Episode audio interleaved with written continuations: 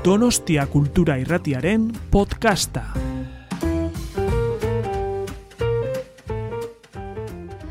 Ba, Arratsaldeon eta ongi etorri emakume zientzialarien argitan zikloko, ba, gaurko saiora, bereziki eskertzen dizuegu hemen eotea, iten dune guaraldi jakin, ba, ausardia eta gogo handia behar direlako, eta zuen berotasunak, ba, asko berotzen gaitu eta oso eskertzekoa da, ezta? E, Luiar eta Donostia kulturaren artean egiten dugu ziklo hau, eskerrak, e, Donostia kulturari ere areto honetan biltzen usteagatik eta gaur ba uzuri albizu mailea izateko sortea daukagu, bera da gure protagonista eta irakurriko dizuet ba labur labur bere profila. Matematikan lizentziatua da eta hiru master ditu. Matematikaren didaktikakoa, bigarren hezkuntzako irakaslena eta ikasketa feministak eta generokoak horixe guztia. Gazteizko hezkuntza eta kirol fakultatean egiten dula matematika didaktika, zientzia esperimentalak eta gizarte zientzia saiean, eta oraintxe duela hilabete gutxi, doktor, doktore tesia aurkeztu du EHUko ikasketa feministak eta generokoak programaren barruan. Izenburua da, matematika, hezkuntza eta generoa gurutzatzen diren lekuak, ahots feministek lagundutako kartografia bat. Eta hemen atzean ikusi dezakegu, ba, juistutesiaren azalean aurkezten duzun irudia eta horri buruz hitz egingo dugu e, berehala, baina e, bere kurrikulum ofizialetik kanpo baina gure kurrikulumaren barne gelditzen da baita ere ba alabedit eta berrian eta alakoetan egiten duzun divulgazio lana eh balen komentatzen nion niretzat ba, akademian egiten dan lanaren parekoa eta ezinbestekoa ba, emateko ahotsa eta lekua eta espazioa ba, bestela autoritaterik ematen ez zaien beste ahotsoiei guztieri eta ba, jendea aluntzeko zientzian eta ikuspegi kritiko hori barneratzen laguntzeko orduan. Bueno, ba, bai akademin eta handi kanpo ba, sekulako lana egiten du e, gure gonbidatuak. Eta aitortu behar dut, e, lapurtzen dio dala maiz, esaldiren bat edo beste, eta bat adibidez mazto donen daukat jarrita bere, bere zeakin, sinadurakin noski, kamiseta egitera ere iritsiko naiz. Eta esaldia da, zientzia boterea da, horregatik feministok ezin dugu alde batera utzi, hori oparitu zidan egin nion lehenengo elkarrizketan, eta jazta, geroztik, ba, oso baliagarria zaidan ez asko erabiltzen dut. Eta erabiltzen dut baita, lehengo udan, ikasi nion beste bat, baita t-shirtagarria guztiz, militantzia gehiago behar da zientzian, eta zientzia gehiago militantzian.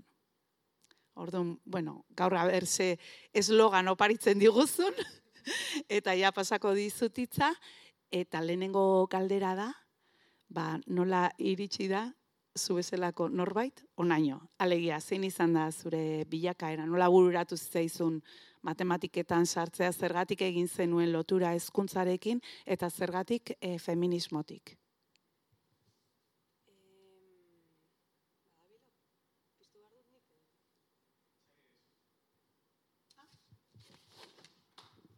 Orain bai. Ah, vale. E, bueno, nola iritsi nintzen matematika ikastera, e, ba, esan ez dakit oso ondo. E, txikitan gustatzen zitzaizkian matematikak, goratzen dute gustatzen zitzaizkiala hor lehen eskuntzan eta jartzen zizkigutela hola, asmakizun logikoak eta batzutan irakasle batek bereziki bosgarren zeigarren mailan, baina ez igual algoritmo bat erreproduzitzeko buruketak, baizik eta ba, pixkal logika erabiliz eta ebastekoak, ez? Eta gogoratzen dut horiek asko gustatzen zitzaizkiala, ba, asko gustatzen zitzaidalako momentu hori, ez? E, e, erantzuna ikusten duzun momentu hori, bombilla pizten zaizun momentu hori. Bai, bai, hori beti gustatu zait asko, ez? E, ordan hori hori gogoratzen dut kariño handiz, eta gero, egia da baita ere, bueno, irakasleok oso ondo dakigunez, ikasleek beti galdetzen digutena da, baina hau zertarako ari naiz ikasten, ez? Eta oso e, disiplina abstraktoa, ez? Eta ba, beti galdetzen digute zergatik, zertarako, ez dite zertarako balio, bizitzan, ez? Eta e, nik adibidez matematikari inoiz, inoiz ez diot eskatu aplikagarritasuna edo erabilgarritasuna, e, abstrakzioa beti egin zait erosoa edo beti gustatu izan zait orduan, bueno, ba, horrek ere ikuste eraman ninduela karrera ikastera, eta gero beste faktoren ikuste garrantzitsu bat, eta inkluso igual garrantzitsuena izan zen, e, ni munitibarkoa naiz, da herri oso txiki bat, eta orduan egoten gara, ibiltzen ginen, e, adin oso desberdinetako jendea elkarrekin, ez? Eta ni nintzen ba, nire kuadriako gazteena, eta gero helduenak, sarrenak ikasi zuen matematika baita. Eta hor, e, bigarren batxiergoan, ba, nengoenean zer ikasi, hainbat aukeraren artean, e, matematika aukeratu nuen, nik uste berak e, animatuta, ez? E, berak konbentzimendu handiz esaten zian e, egin alko nuela, ez? Egia da karrera honek e, paniko puntu bat egiten duela, ez? Gai izango oten naiz, e, e, bauka fama, ez? Ba, zaila izatearena, eta eta nik uste bere konfiantza horrek lagundu ziala ere karrera, karrera egitera animatzen, bai. Bai. Orduan, importanteena izan zen, ezagutzean norbait, zuretzako referente zana, eta arkemandako konfiantza eta babes hori. Eta, Nik uste ausartzeko bai. bai ez oso garrantzitsua izan zela. Osea, noski gustatzen zitzaidan e, disiplina bat zen, baina, baina bai, nik banaukan beldur puntu bat, ez? E, hasi aurretik, bai. Eta berataz aparte ezagutzen zen, zenuen beste matematikariren bat, eta makumezkoak edo gizonezkoa zen, eta alderdi horretatik zuk ere zure burua ikusi zenuen? Laguna Bertan? emakumezkoa, bai. Eta gero ezagutzen dituen beste, bai, esango ziren, bai, irakasleak, etorrela. Orain etzai beste inor, etortzen nola, burura. Bai.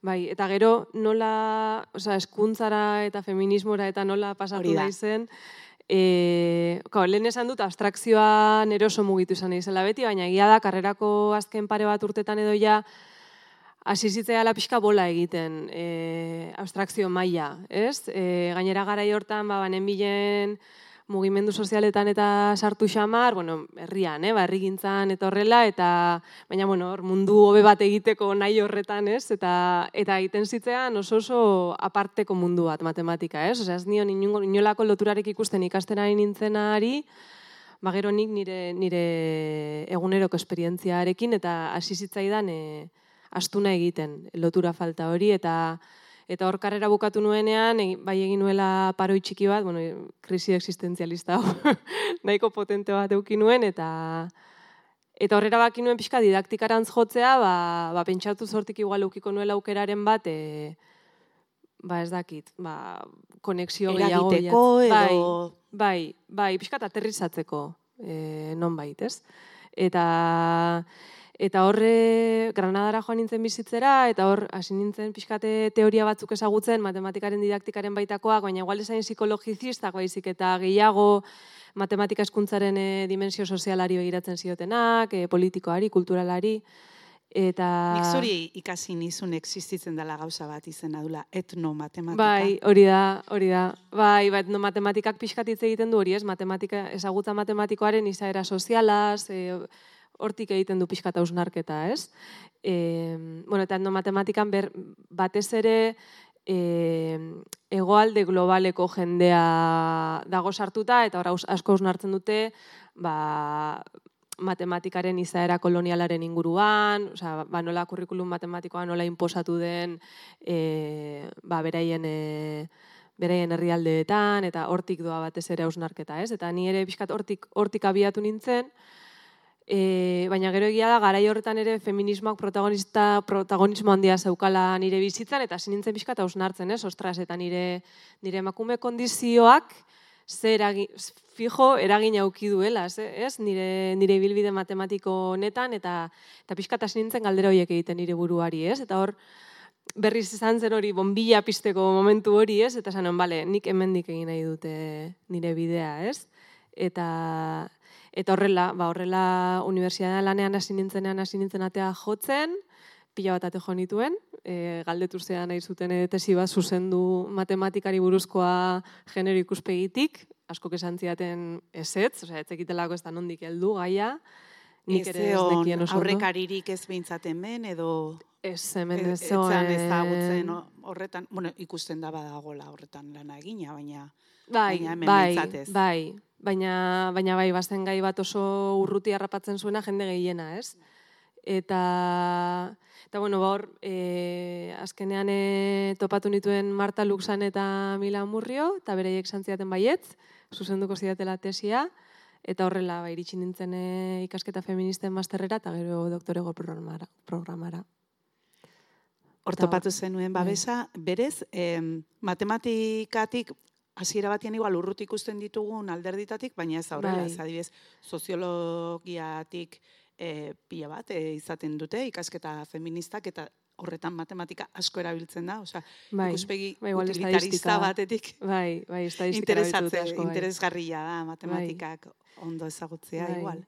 Bai, eta gainera Marta, bueno, bia dira soziologa nire, nire zuzendariak, baina Marta da oso metodologia kuantitatiboen oso fana, apologia handia egiten du metodologia Ni kuantitatiboa. oso fana naiz Martarena. Bai. bai. Bai. Eta e, horrela iritsi zinen orduan, ba, tesia egitera, eraman dizu denbora eta alegina handia, baina Bai. oso emankorra izan da, emaitza, bueno, entzat, hartzen du e, ba, leku handia Bai, eta oso, oso mamitsua. Ordan saiatuko gea, ba, pixkat ez, zertzelada batzuk edo printza Bai. batzuk abera ateratzen ditugun, Bai. baina, bueno, e, eskura dago, e, sarean. Oraindik eta- ez dago sarean eskura ez. Ah, ez bale, bale, bale, ez, ez. privilegiatu batzu bakarrik. Bueno, Bai. laizzer egongo da. Egongo da, egongo da, baina oraindik ez. Eta Mm. gonbidatuko edo sakondu nahi duenak, ba horri izango du aukera, Bai. baina esan bezala zertzela da batzuk emango ditugu, Bai. eta zaletik hasiko gara, lehen aipatu dugun, e, menatzean daukagun ilustrazio honetatik zerari gara ikusten, eta nork egin du eta Bai. zergatik. Hau, Eh, bueno, eh, hasi nintzenean tesia idazten, osea, memoria fisikoa idazten, hori egin dut azken urtean, edo horrela, osea, tesia egiten egin ditu sei urte, baina azken urtea izan da idazten egon naizen urtea, eta horre eukinuen sentsazioa eh, ari nintzela osatzen mapa moduko bat, ez? E, bai, osea, nolabait, e, ba, hori, matematika eskuntza eta generoa gurutzatzen diren lekuak, hori da izenburua, ez? Gurutzatzen diren lekuen berri ematen zuen mapa bezalako bat, ez? Eta orduan, naiz eta gero metodologian hitz egiten dudan tesiaren e, kasu azterketa izaerari buruz, osea, berez teknikoki kasu azterketa bat da, e, baina iruditzen zitzean kartografia hitzak hobeto hobeto deskribatzen zuela edo hobeto simbolizatzen zuela tesiaren e, esentzia edo izaera, ez? Ze gainera kartografia hitzak e, e, Rosi Braidotik erabiltzen du, e, bera pentsalari feminista bat da, eta berak esaten du kartografia bat egiten dugunean egiten dugula e, bueno, kartografia bat dela orainaren interpretazio bat, ez? Eta kartografia bat egi, osatzen dugunean, osatzen dugula kokaleku jakin batetik, ez? Eta garrantzitsua dela kokaleku horien berri ematea, ez? Eta orduan, tesi honetan, e, bueno, alde batetik nire kokaleku historikoa, ez? Osa, nire emakume kondizioa, e, oso presenteago, ez? Nik hausen hartzen dut e, nire kon, emakume kondizioak, ba, nigan duen eraginaren inguruan ba, ba, irakasten ari naizenean edo, edo e, bueno, batez ere igual ikasgelan nagoenean, e, eta gero kokaleku politikoa ere oso agerikoa da. Da tesi bat esplizituki feminismotik eginda dagoena, e, alde batetik erreferente teori, teoriko gehienak e, feminismo akademikoti datozelako, eta beste alde batetik baita ere, e, elkarrizketatzen ditudan pertsonak, tesian zehar, e, bueno, tesian elkarrizketatu ditudan pertsonak feministak e, direlako. Zergatik feministak, bueno, besteak beste, nahi nuelako elkarrizketatu jendea, ba, ba genero kontuen inguruan ja, e, bueno, bueltaren bat edo beste emanda zegoena, ez? Ez zitzaiona e, guztiz arrotza egingo, ba, ba, matematikaren inguruan hausnartzea genero ikuspen, ikuspegi batetik, ez? Naiz eta igual inoiz egin gabeko ariketa bat izan, baina behintzat e, ba, ohitura hori eukitzea, ez? Ba, gauza hauei buelta batzuk emateko. Orduan, horregatik ere azpitituluak esaten du hori, ez? Ahots feministetatik, e, ahots feministek lagundutako kartografia bat dela. Ba, e, esplizituki feminista delako tesia. Eta ez du hori eskutatu nahi, hori ebide, ageriko egiten du, bai. Bai, eta hori visualki Hori orduan, e, hori kartografia izaera hori, ba, igual ikusten da zati gris horretan, ez? Ba, hor daude lau testura mota, lau testura desberdin. Bueno, ir- irudia egin zuen Maria Altunak. E, nire lankide hoi bat da, eta nik oso argi neukan ideia, oso argi neukan zer izan nahi nuen, izatea nahi nuen, baina ez neukan ez abilezia, ez denbora e, hau egiteko, ez? Eta eta kontatu nion ideia berari motivatu zen pila bat eta esan zian, nik egingo dizut. Eta berak, e, berak egin zian, eta bueno, oso ba, pia gustatzen zait oso posinago egin duen lanarekin bai. Bai. Eta orduan, zati grixean ikusten dira lau testura mota ezberdin, eta testura bakoitzak nolabait simbolizatzen du emaitzen kapitulu bat, osea, emaitzen kapitulu bakoitza izango litzateke ba, mapa horren zati bat edo ez, eta lau kapituluek batera osatzen dute mapa osoa edo kartografia osoa, ez? Eta gero horretaz aparte badago urrezko trama hori, eta urrezko trama horrekin simbolizatu nahi nuen e, kintxugiaren ideia. Kintxugia da, e, bueno, da teknika japoniar bat, e, zeramika, zeramika asko objektuak e, bueno, reparatzeko, konpontzeko. Hori da, orduan, e, teknika horrek egiten duena da, e, ba, zerbait pitzatuta dagoenean, eta ba, berriz elkarrekin jartze dituzunean piezak, nahi izaten duguna normalean egin da disimulatu, sartadura disimulatu, ez? Eta teknika honek egiten duena da, sartadura urrez nabarmendu, eta e, pixkat filosofia da, ba, sartadura horrek ba, baduela balio bat, ez? Ba, objektuaren historiaren berri ematen duelako, eta hortaz, ba, ba, urre kolorez. E, ba, margotzen da, ez, zati hori. Eta orduan, teknika horrekin egin daiteke apurtuta dagoen zerbait berreraiki, baina baita ere egin daiteke objektu desberdinetatik eratorritako piezak batu eta zerbait berria sortu, ez? Eta nik tesi honekin e, egin nahi izan dudana edo hori da, ez? Ba, hartu ba, nire ibilbide akademiko eta profesionala osatzen duten zatiak, ez? Ba, matematika, matematikaren didaktika, feminismoa eta gero irakaskuntza praktikoa, ez? Osea, egunerokotasunean ematen den eh, ikasgelan ematen den hori eta horiek denak batuz zerbait eh, berria sortu, ez? Eta hori da tesi hau. Eta nolabait eman nahi dio, ez? Urre kolore horrek eman nahi dio balioa disiplinarteari, ez? E, e, disiplinartea akademian pixka da ez leku bat bezala, osea, disiplinartean mugitzen zarenean ez zara inongoa, oza, soaz matematikarien gana, eta ez zara nahikoa matematikari, oza, zara gizarte zientzietara geitsi den pringatu bat, ez? E, ba, soaz matematikaren didaktikara, e, normalean oso, positi oso posizionamendu positibistak, psikologizistak, izan hori dituzte disiplina horren baitako ikertzaileek, eta, bueno, zara aktivista feminista bat, oza, ez zara ez da ikertzailea, ez? Orduan, bueno, oza, disiplinartea ez da erosoa, eta, bueno, oza, pixkate azalaren bitartez esan, bueno, honek badauka bere balioa, ez? Eh? hartzea, e, mugitzea, hainbeste ezagutzen artean eta eta horiek ustartzeko saiakera egitea eta bueno, horre badauka bere balioa eta ba pixkate hori hori hori ere adierazten nahi nuen eh eh ba portadan bertan, ez? Bai.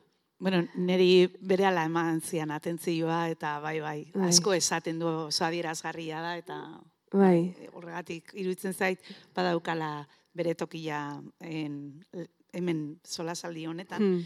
Baina, bueno, azpititulua zan urrengoan nabarmendu nahi nuena eta zuk esan dezu. Ahots feministek lagundutako kartografia bat. Aipus beteta dao eta elkarrezketak noski dia egin dezun lanaren oinarria. Bai, elkarrezketak, e, e, bueno, badaukat jarrita hor non lekuren batean, bueno, hau da kartografiena, bueno, hau da dona jaragoi, honi buruz galdetuko jaso gero, ez? Bai, bai, bai, eh? bai, bai. E, elkarrezketak dira e, oinarri, bueno, elkarrezketetatik abiatu nintzen. E, lehenengo zientzialari feministak elkarrezketetu nituen, sei, gero bederatzi lehen erraduko ikasle, osan nire ikasle izan dakoak, e, bederatzi pertsona, E, eta gero ja, e, ikasgelan, egin nuen behak eta parte hartzaile bat, lan etnografikoa, eta eta hor ere, bueno, hainbat galdetegi pasan dituen, eta ba, proposatu nizkien hainbat e, ariketa, ez? Ba, adibidez, auto, autobiografia matematikoak osatzeko eskatu nien, berein matematikako irakasleak deskribatzeko, deskribatu zituzten pila bat irakasle, bosteunda piko, Gero ba, eskatu nien irakasgaia baloratzeko ere, kualitatiboki, horrek ematen zizkialako gero pista batzuk, ba, nire proposamen batzuek beraiengan e, zeukaten izandako eraginaren inguruan, eta bar. E, bueno, hainbat gauza egin genituen e, ikasgelan, orduan, bueno, gero e, oie guztiak e, ba, batzea izan zen asuntoa. Ba, e, elkarrizketa hauek izan ziren oinarri, baina hori baino lehenago esan deguna, e, aipu desente daude, eta aipuetan igual gehien nabarmentzen dana, o azaltzen dana hasiera hasieran behintzat, e, dona jaraui da. Bai. Zergatik eta ze, zer eman dizu. Bueno, ni Dona Jaraueiren oso fana naiz. E, Masterra mairako lanean ere, ikasketa feministetakoan ere bere beste aipu bat jarri nuen eh, hasieran. Eta eta orain honetan ere bere aipu bat, hau jarri nuen, bueno, inglesez jarri nuen, baina bere garaian euskara ere itzuli nuen, gero inglesez jartzea erabaki nuen, baina Irakurri di, mesedez? Bai, a ber, bueno, horrezat, bueno, irakurri baino igual, azalduko dute esaten duena. E, Osa, berak esaten duena ipu horretan da, e, edo nik ulertzen dudana, edo, eta gero nik nola lotu dudan tesiarekin ez. Osa, berak esaten du, ez dakit, ba, injustiziak nola salatu behar direla, eta zalaparta montatu behar dela, ez, zarata atera behar dela, baina, baina baita behar ditugula erreparaziorako espazioak eta eta ere, eraikuntzarako espazioak, ez? Eta garrantzitsua dela espazio horiek eh, sortzea. Eta gero baita ere e, hitz egiten du orainari harreta ematearen garrantziaz eta beltzez eta zuriez haratago ba grisei ere harreta ematearen garrantziaz, ez? Em, eta eta bueno, horrekin lotuta tesian bai egin dudala saiakera, bueno, alde batetik matematika hezkuntzaren izaera androzentrista eta sexista e, ezaugarritzeko eta eta mapeatzeko, ez? Baina beste alde batetik baita ere saiatu naiz propositiboa izaten eta eta eskaintzen gako batzuk lagundu dezaketenak e, ba, ba inertzia hoiei aurre egiten edo kontra egiten, ez? Eta hor- horrekin lotzen nuen hori ba ur, urru errak ba- baretzea eta patxada berrera ikitzea hori, ez? Eta, eta gero orainarekin oso lotuta dagoen tesi bat da, e, eguneroko irakaskuntza praktikan gertatzen den tesi bat delako, ez? Osea, e, bai nire egunerokoan e, ikaslekin partekatzen dudan espazioa da aztertu eta interpretatu dudana eta eta eta bueno, horrekin horrekin konektatzen dut ere bere e, hori orainean egoten ikaste hori, ez? Hmm. Egia esan arlo askotara eta em, ez dakit beste leku askotara ere aplikatu daiteke, Bai, baina oso ondo ekarria da, ose, egila da eta nabarmena da, problematizatziaz gain, proposamenak ere eskaintzen dituzula eta bai. Hori egia hori, hori. Hori braidotik ere esaten du, ez? Kartografiaz hitz egiten duenean berak hori esaten du, izan behar gara propositiboak, eman behar diogu boteare, boterearen dimensio errepresibo hor dago, baina produktiboa ere bai, eta hori ere egon behar da gure hausnarketetan. Bai.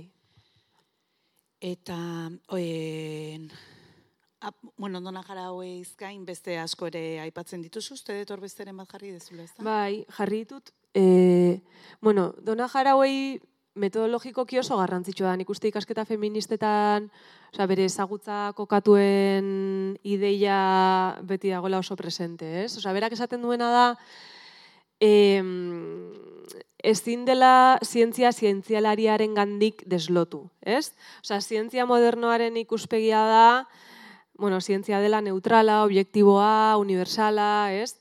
Eta jarauei diona kontrakoa, ez? Zientzia, osea, praktika zientifikoa dago oso lotuta praktika horren e, e, egileari nolabait, ez? Hori ezin da deslotu, eta orduan egin, eta horregatik ekoizten dugun ezagutza beti da partziala, eta horregatik, eta partzialtasun hori ez dago gaizki, baina ageriko egin behar dugu, eta, eta aztertu egin behar dugu, ez? Eta, eta horren ondorioz, e, bueno, ba, e, nik landa egunerokoan asko, asko, asko dut, ba, badidez ikasgelan gertatzen ziren gauzek, ba, nigan eragiten zituzten erreakzioen inguruan, edo nire nigan eragiten zituzten sentsazioen inguruan, osea hori da, hori izan da beste ikergai bat, ez? Eta hori, bueno, ba, jarauiren e, ezagutza kokatuen ideiatik dator, nolabait.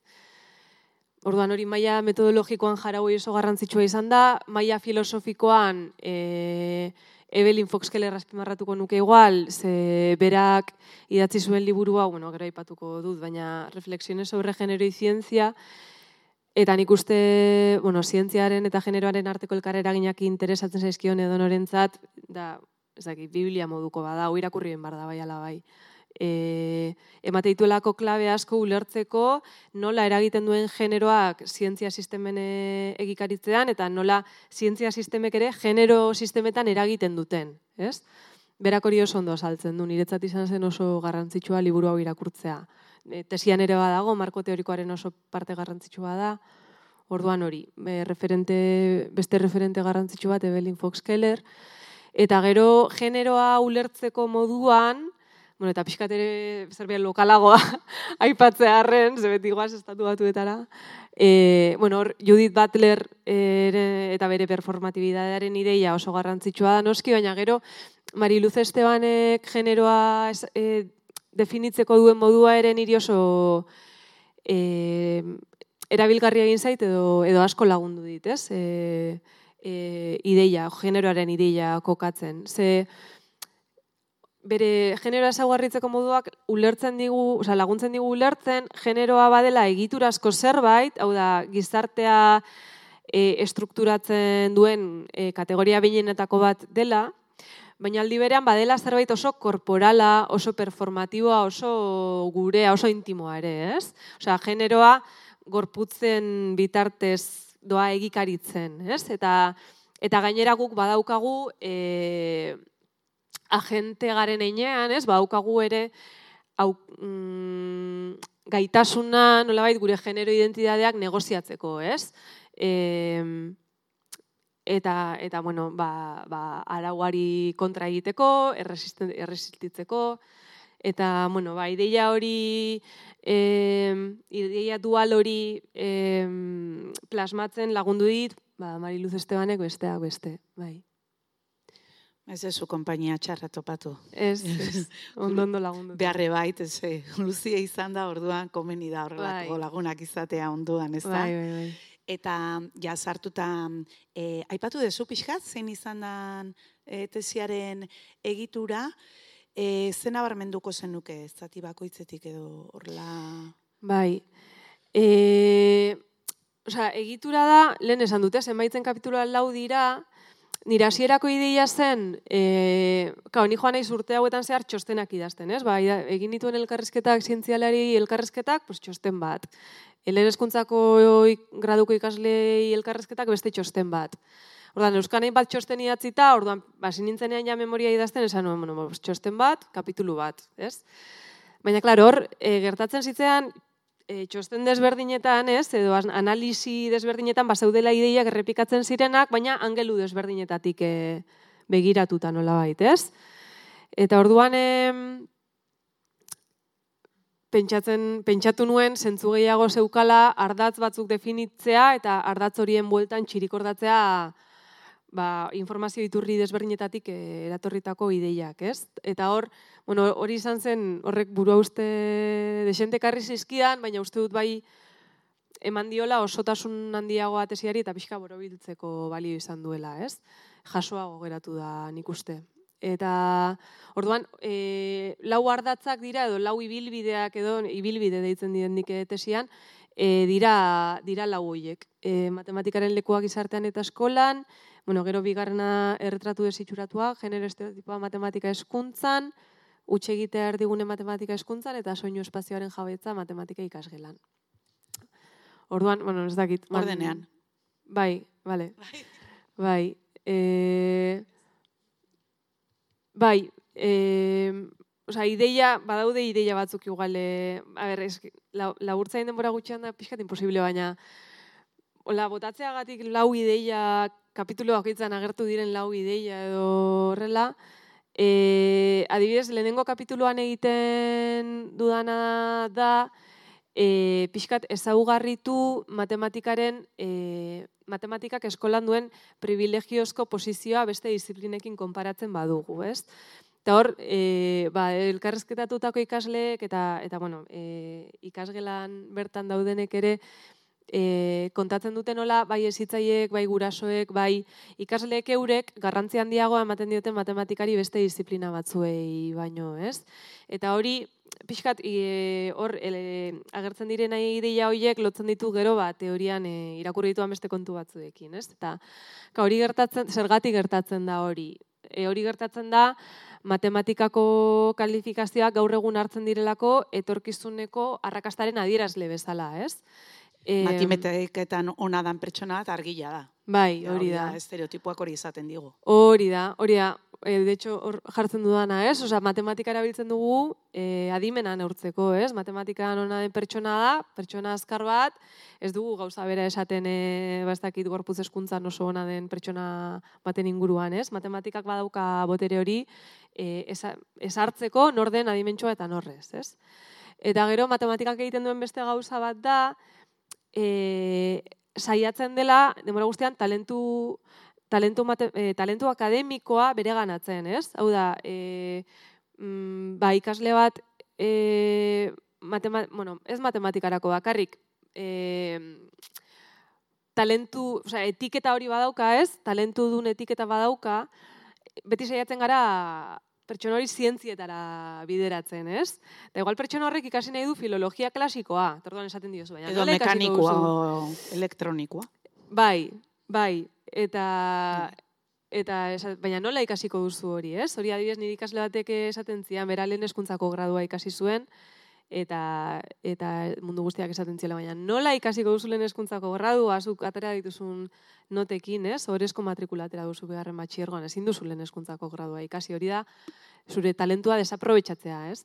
Orduan, matematikak badauka e, talentua bere ganatzeko e, zera hori, ez? Eta kontrakoa ere bai, hau da, pertsona bat eh, ez bada, ez baduka etiketa hori, ez? Ez baduka talentu duen etiketa, baina gustatzen zaio matematika eta ikasi nahi du, ikasi nahi du ingenieritza elektronikoa berdin zait, baina matematikarekin lotura estu daukan zerbait, hor saiakera kontrakoa, ez? Esate, e, badaude, osea, e, materialean aurkitu ditute kontakizun asko esaten zutenak, e, jo, ba, esan ziaten, hobe nuela ez ikasi matematikarekin lotutako zer, ba, ezingo nuelako, ez? E, orduan, kao, gauza guzti hauek egiten dutena daukate e, segregazio funtzio bat, ez? Hau da, bere izten ditugu pertsonak e, talentu dun eta ez talentu dun e, bezala, ez? Eta orduan pertsona batzu geinuak dira eta beste batzuk estigmatizatu egiten ditugu, ez?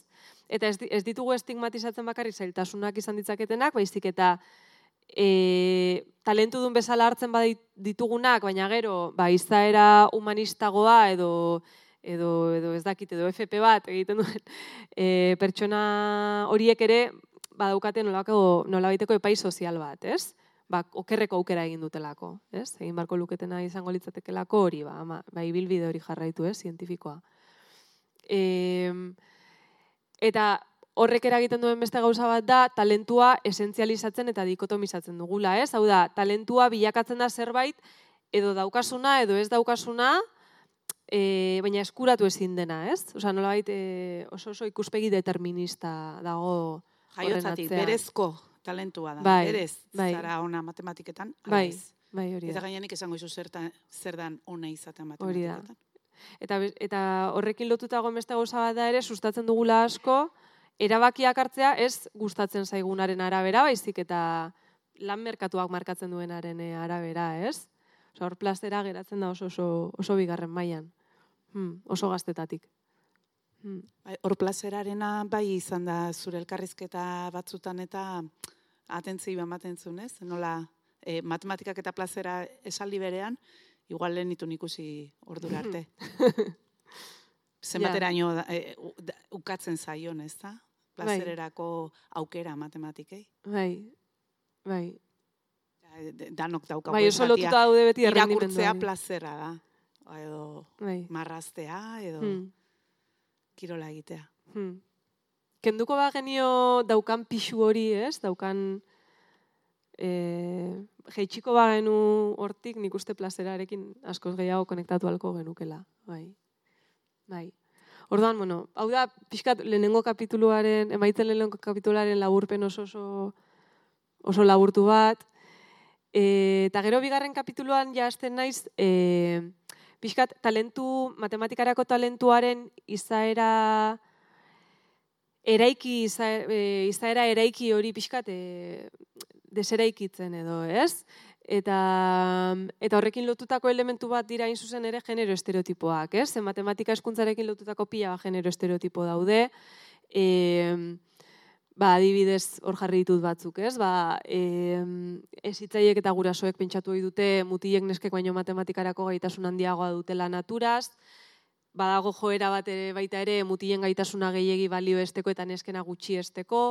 Bai, neskako nabadia e, oso saiatuak direlako. Hori da, neskako na, neske karrakasta baukat nota honak ateratzen badituzte, bada lang, oso langia direlako, mutilak mutilek aldiz nota honak ateratzen dituztenean da, ba, putu amoak direlako, ez?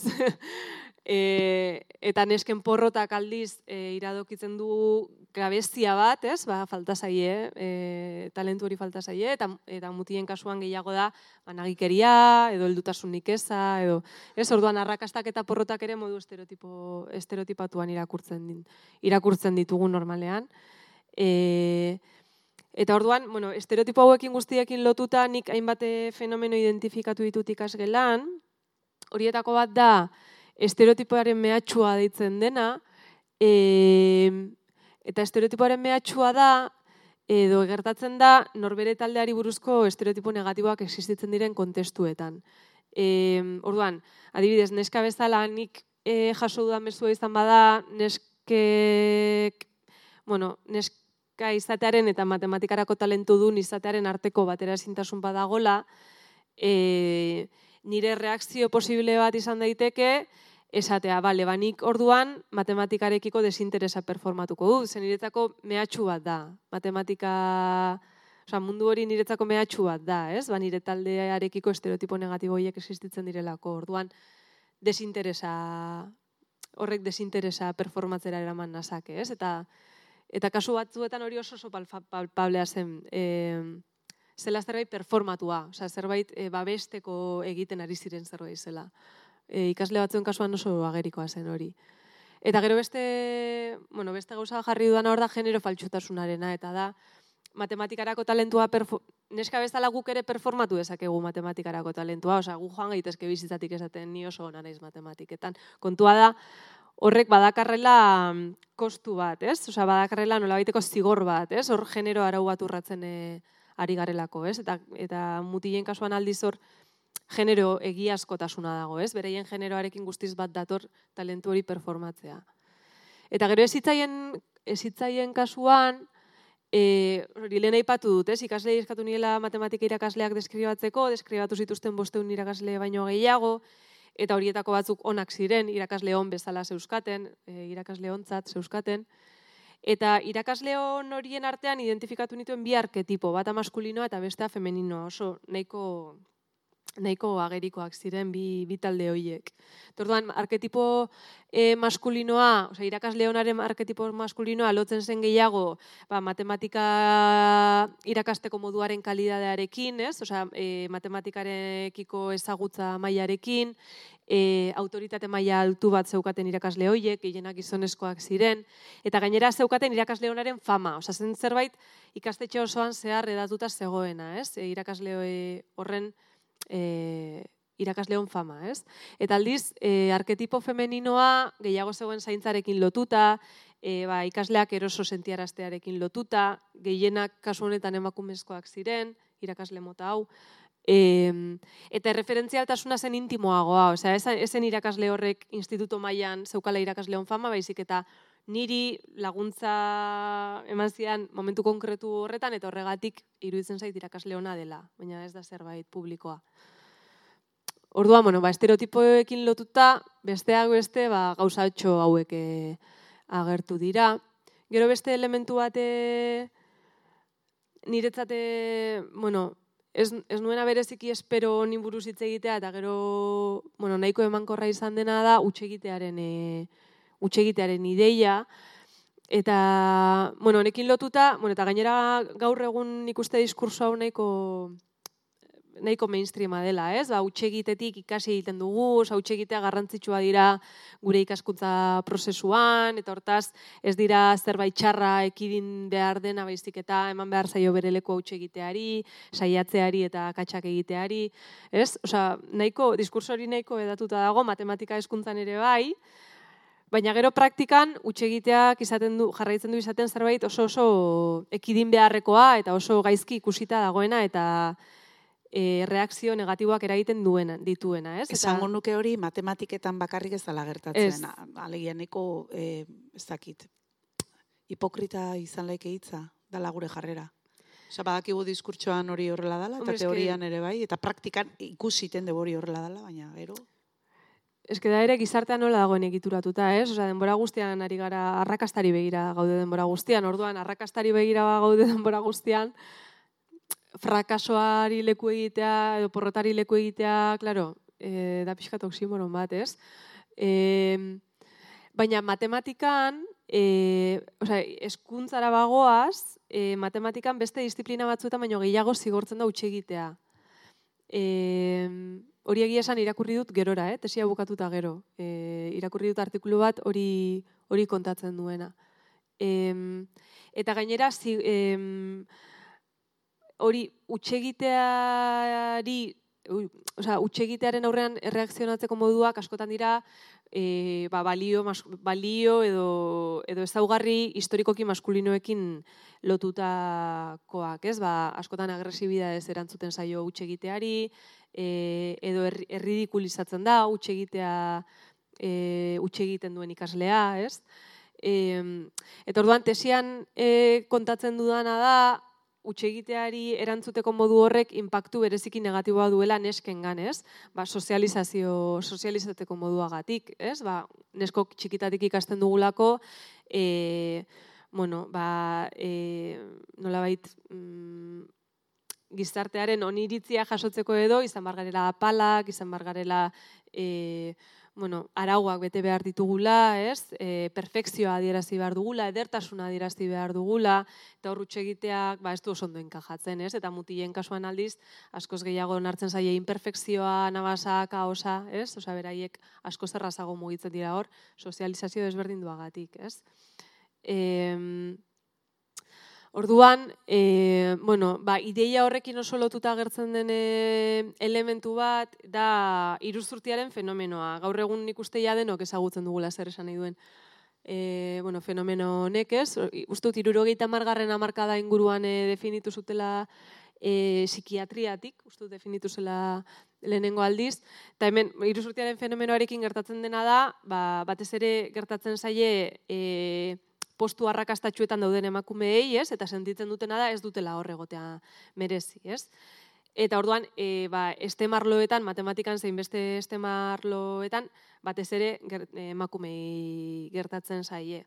Kontua da, e, iruzurtiaren fenomenoarekin badagoela joera bat, nolabait individualizateko arazoa, ez? Edo psikologizatzeko arazoa. Bale, ba, daukazu sindrome hau, e, autoestima bajoa daukasulako edo urritasun emozionalen bat daukasulako, ez? Orduan egin terapia, ez? E, eta soziologiatik e, egin da hor irakurketa interesgarri bat, esan ez, e, iruzurtearen fenomenoaren jatorria ez da individuala, ez da norbere urritasun bat, baizik eta izaera publikoa du fenomeno honek, eta hortaz begiratu bar zaio testu inguru sozialari eta politikoari, ez? Eta hortaz, e, bari bagara problematizatzen zergatik estemarloetan e, batez ere emakumeek sentitzen duten irzurti sentsazio hau, ba begiratu beharko diogu e, fenomen horri klabe politikoetan eta sozialetan, ez? Beste hainbatetan bezala. Claro, hori da, hori da.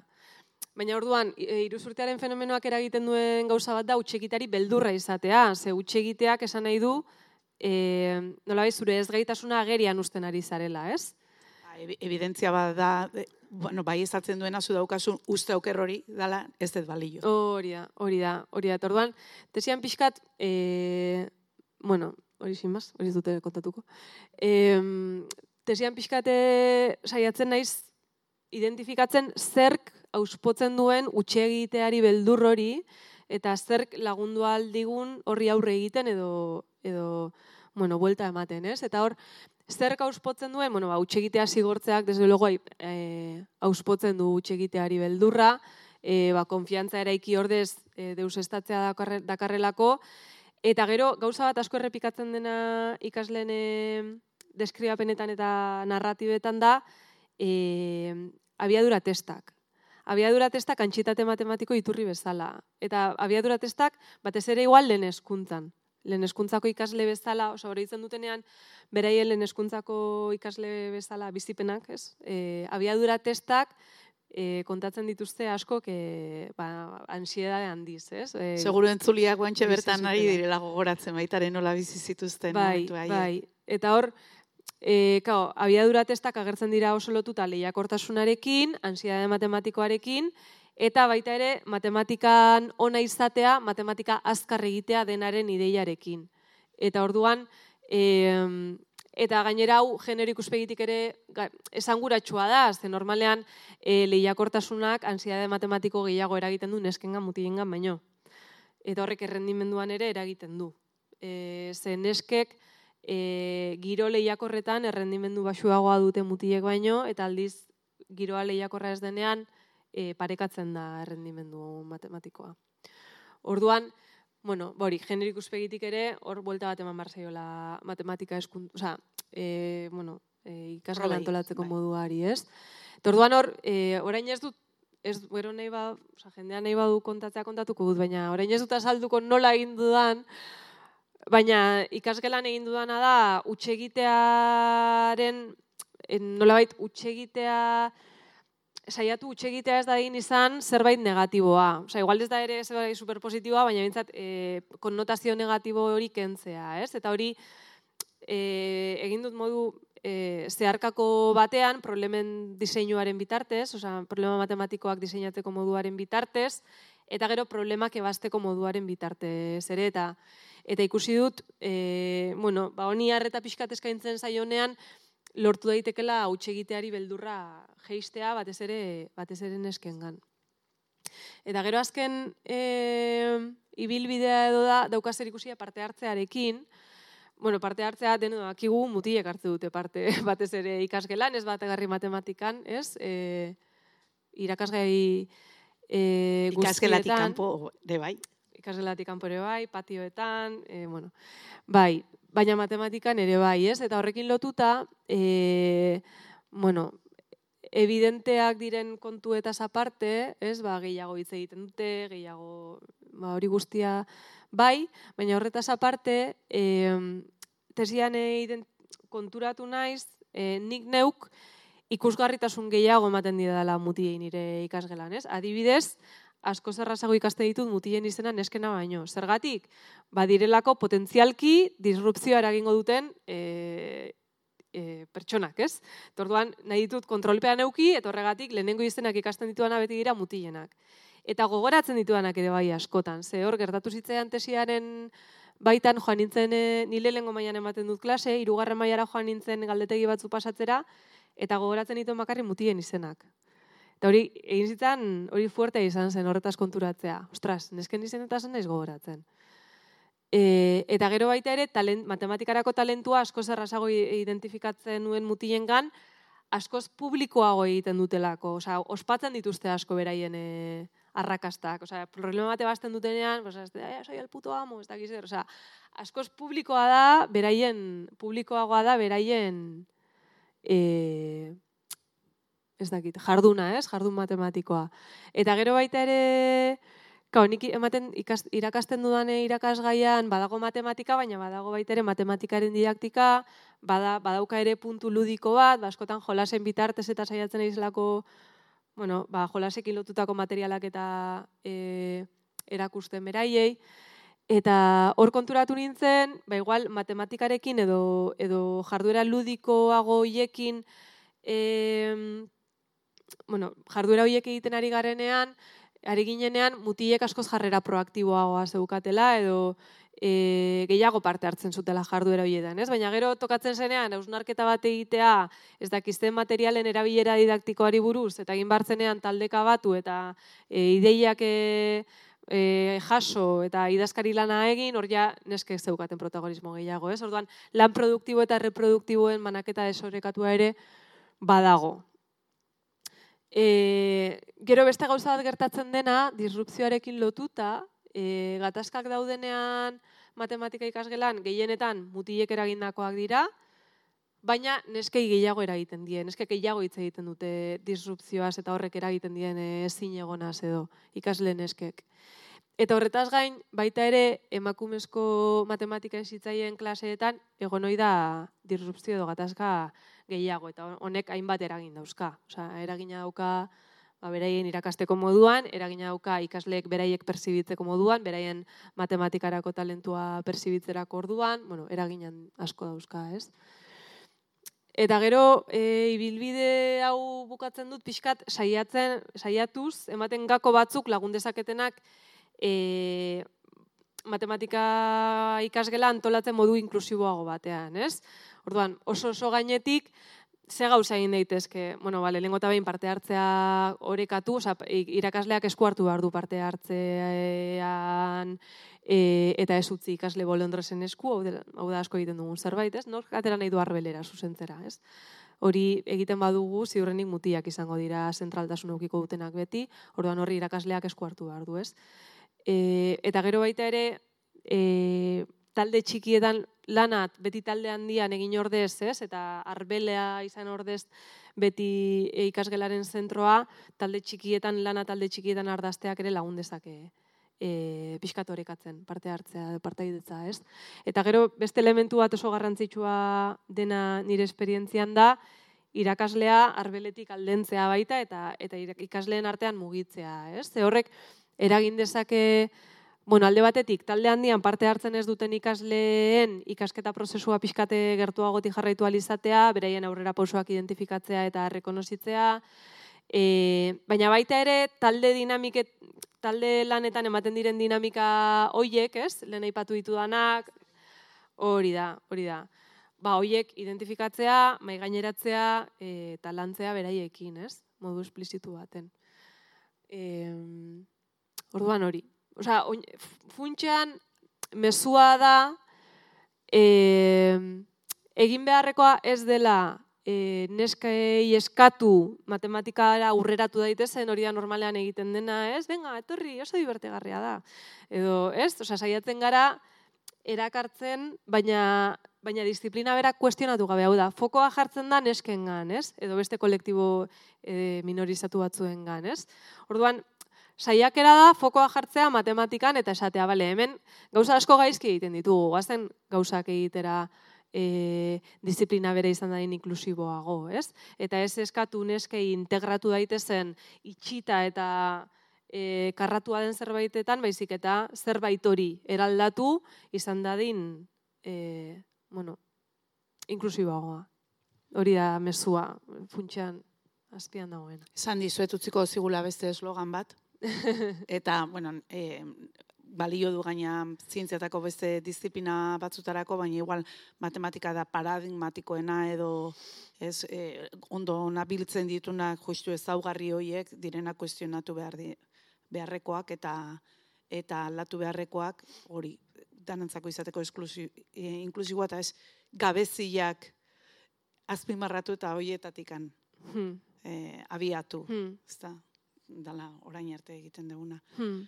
Ba, nik uste, bueno, claro, eske, bai, hemen, hemen utziko deu igual gero galderetan eo zerbait puntuak helduko jo, baina, bueno, repaso uste oso, oso sakona eta mamitxua lortu dezula egite oso denbora gutxian, osea, eskerrik asko, eta bukatzeko gure sola saldi hau, bueno, eh, ba, disiplinarteko eta zuna agerian usteko eta e, ba, eskatzen dizuegu liburu bana ekartzeko bat zuen arloarekin lotutakoa eta beste bat ba, bereziki loturari gabekoa edo eta oso eskuzabala izan zara eta hiru liburu ekarri dituzu. Bai.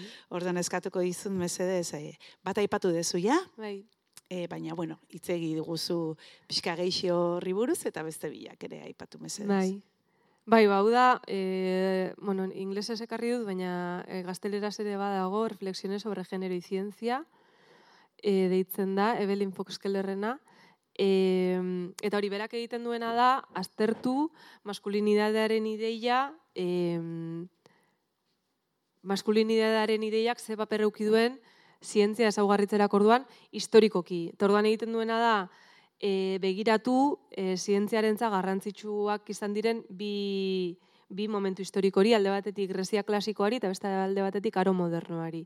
Tordan hartze ditu e, bataren eta bestearen e, ordezkariak, ba, e, zientzia klasikoaren e, kasuan Platon, e, zientzia modernaren kasuan e, adibidez e, Descartes eta Bacon, eta ikusi bereiek nola ezaugarritzen duten ezagutza zientifikoa, eta ikusi hor generoak ze paper daukan. Eta aldi berean, beraien zientzia ezaugarritzerako, ezaugarritzeko modu horrek, gero generoan ze, gero sistemetan ze impactu uki duen. Eta, bueno, niretzat e, ezinbesteko irakurketa da, e, gaiak, gaiaren inguruko interesa duen norbaitentzat. Osea, ez da, ez da ondartzara eramateko liburu bat, eh? da densoa, e, ez da bereziki erraza, baina interesa daun, daukan edo norentzat nik uste ezinbestekoa. Eta gainera ekarri nahi nuen, ze duela gutxil zen, Evelyn Fox Keller. Orain iraian hil egin da, laro eta zazpi urterekin, eta bueno, aberari omenalditxo bat, bai, egin nahi nion. E, eta gero ekarri dut baita beste liburu bat e, matematikekin lotutakoa, e, hau izan zen, lehenengo liburua irakurri nuena, pixkat egiten zuena analisi hori, matematika aztertzen zuena generi ikuspegi batetik, eta nik uste izan zela e, tesia egitera bultzatu ninduen liburua. E, bueno, da Sara Jotingerrena, Inventing de Mathematician deitzen da, e, eta berak egiten duena da aztertzen du e, generoaren eta arrazaren ideiak ze eragin izan duen matematikaren eta matematikariaren iruditerian. Eta horretarako, bueno, aztertze ditu gauza desberdinak. Aztertze ditut matematikako testu liburuak, aztertze ditu matematikaren historiako liburuak, e, bai, hainbat, hainbat, e, hainbat kontu. Eta, bueno, niretzat hori, izan zen ez lehenengo liburua pixka analisi hori egiten zuen ikuspegi hori kultural edo sozial horretatik, ba, niretzat, ba, hori, oso liburu garrantzitsua izan zen, eta torregatik ekarri dut. Baina, bueno, uste dut bakarrik inglesez dagola. Ez dut uste gazteleraz dagonik e, itzulita, gaztelerara. Eta gero, hori, beste bat zen, random. Bai, bai, random, bai. hori da. Nahi dezuna, placer utxagatik. Bai, bai. Beste, beste ukatu gabe, plazererako bai, bai, bai. Ba, bidea, eh? Bai, Ka, kontua da, nik irakurtze dituen ez totxo hauek eh, lanean, gero etxera noa, eta irakurtze dut novela beltza, e, komedia romantikoa, eta gauza horiek. Baina, hor, aukeratzea bat bereziki, oza, dena dira oso antzekoak, eta, bueno, ezitzean okurritzen. Tordan, gogoratu nintzen liburu honetaz, hau, oparitu zian, egon nintzen e, tesian e, egonaldi bat egin nuen Txilen, eta egon nintzen, e, bueno, Andrea Bera deitzen dene, matematikari batekin, bera baita ere, pues, mendago generoa matematika dikotomia horren baitan e, ikertzen, eta berako paritu liburu hau bueltatu nintzenean, e, da las homicidas deitzen da, eta da alia trabukorena. Alia trabuko kidatzi zuen tesi bat, e, eta gero tesi horretatik saiakera hau e, atera zuen, Eta egiten duena da, e, hogei garren mendeko lau hiltzaile e, dira liburuko protagonistak, dira, guztiak dira emakumezkoak, laura dira emakumezkoak, e, eta egiten duena da, aztertu, beraiek e, egin zituzten hilketa hoien inguruan, hoien ondorioz edo hoien aurrean edo nola erreakzionatu zuen gizarteak, e, komunikabideek eta botereak, ez? Eta egiten du, azterketa hori egiten du noski ikuspegi feminista batetik, gener ikuspegitik, eta e, ateratzen ditu ondorio oso oso interesgarria, ni pila gustatu zitzean liburu hau. Eta, bueno, igual ez da oso ezaguna hemen.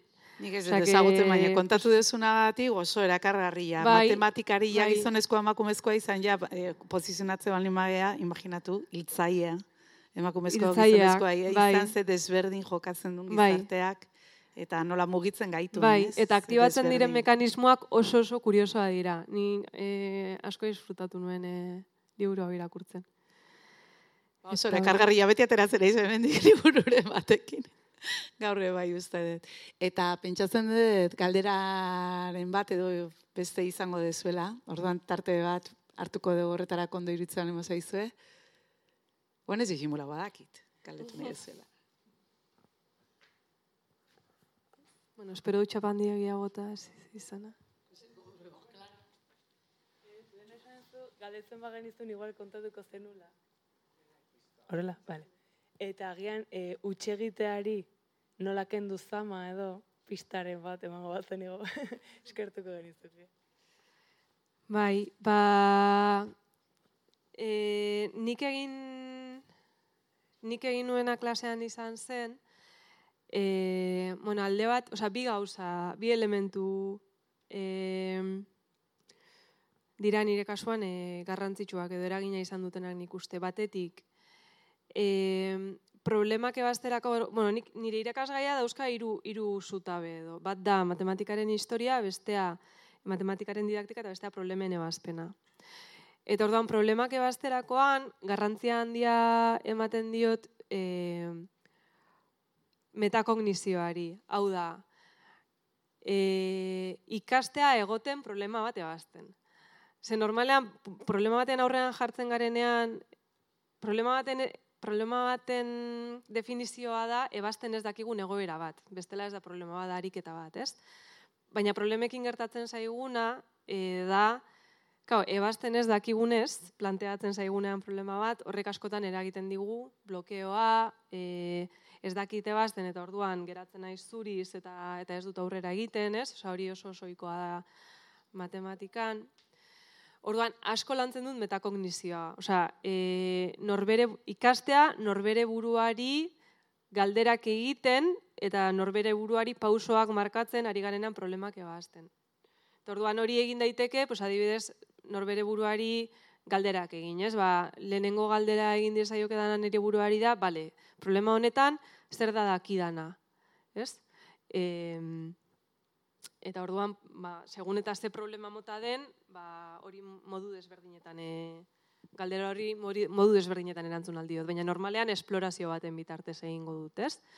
E, bigarren galdera egin aldio da nire buruari, bale, hau ebazteko, e, ze estrategia erabili dezaket. Eta orduan planteatu modu orok ikasi, modu, plante, modu orokor batean planteatzen zer egin dezakedan. Hasi aurretik kalkulu analitikoak egiten, oza, fase analitikora pasatu aurretik, nola baitez.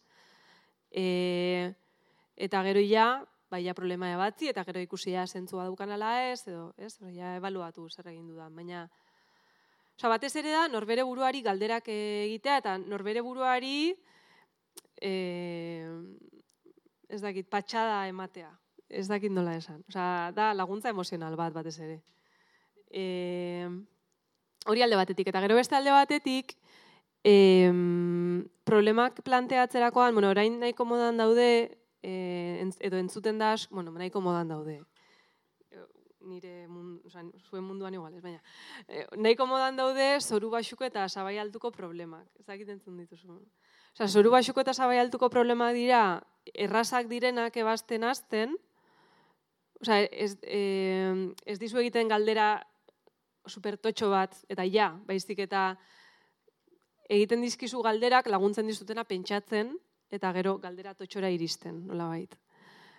E, ze gero badago galdera totxo bat, Osa, bukaerako galdera da, komplejoa, erantzuten zaila, baina e, e, zoru basukoa da, eta hortaz erraza da astea, nola bait. Eta hori da, problemen diseinuari arreta, arreta ematea, ez? Orduan, en, nik, problemak nik diseinatzen dituan ez, porque ez, ez daukat testu libururik, e, saiatzen naiz, hori, bai, izan daitezen soru basukoak, hau da, hasiera izan da nahiko erraza eta eta gero sabai altukoak, ez?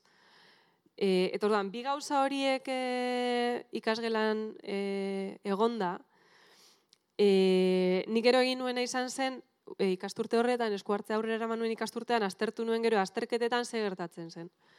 Eta, bueno, aztertu nuen problema geometrikoan ze gertatzen zen. Ze horri hor da igual batez ere faseena eta oso markaje handia egiten dudan momentua, ez?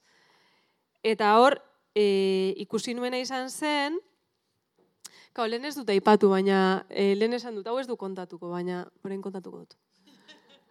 E, paralisia hor jarri dut, ez? Osa, utxegiteari beldurra, beldurrak era, e, eragin dezake e, lan ez gain zamatzea, hau da, hartzea normalean beste norbaitek hartuko lukena, baina eskoz lan gehiago, ebitatzeko utxe egitea katxa edo, bueno, hori ez?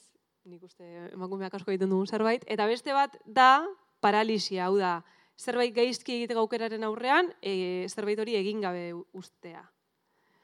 Eta hori ere, askoz gehiago gertatzen da, nesken kasuan, mutien kasuan baino. Hori, hori da ikerketek diotena, eh? hori nik ez dute klasean ez, e, ez dut klasean aztertu.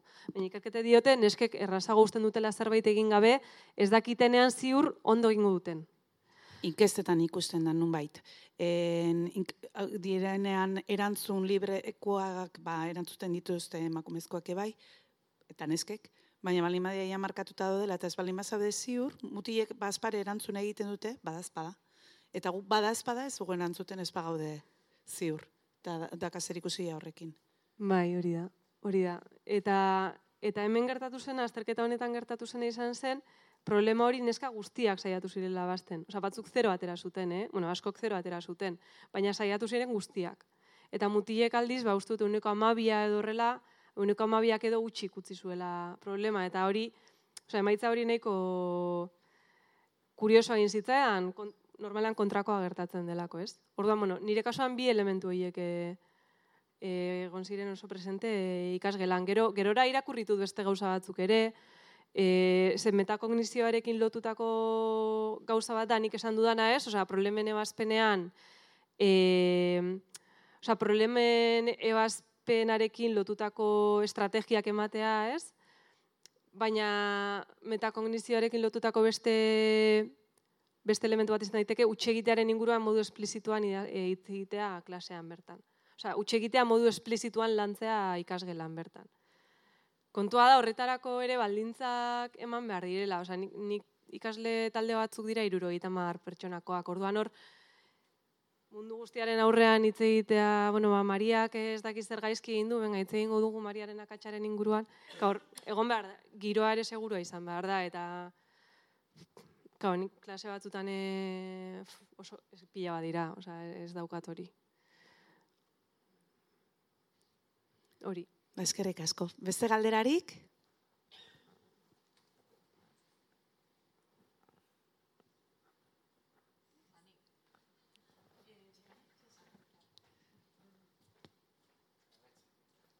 Ez hain ze ikertzen. Ez egin galdera zaila, eh, garazi. Ez, zer ikertzen jarraituko ez du, jarraituko ez ikertzen, eta zertan.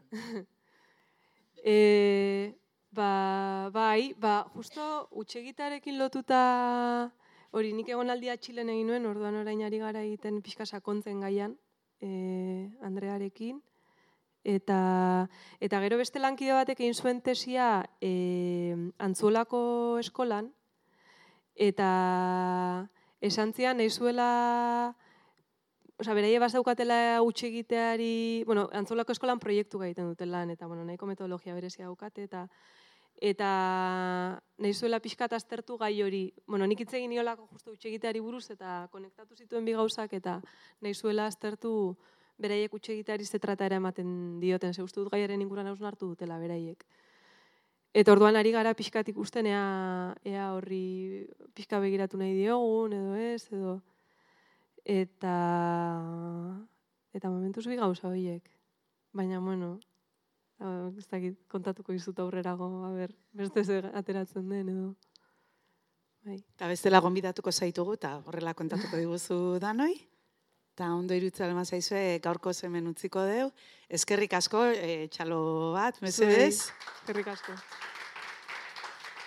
Eta aurrengo gonbidatua datorren hilean, abenduan, izango de onitze zalazar eta hitz egingo digu e, guraldia aldatzen ari den, klima aldatzen ari den, zer da gertatzen ari dena, eta gonbidatuta zaudeten oski. Eta aurren arte, eskerrik asko.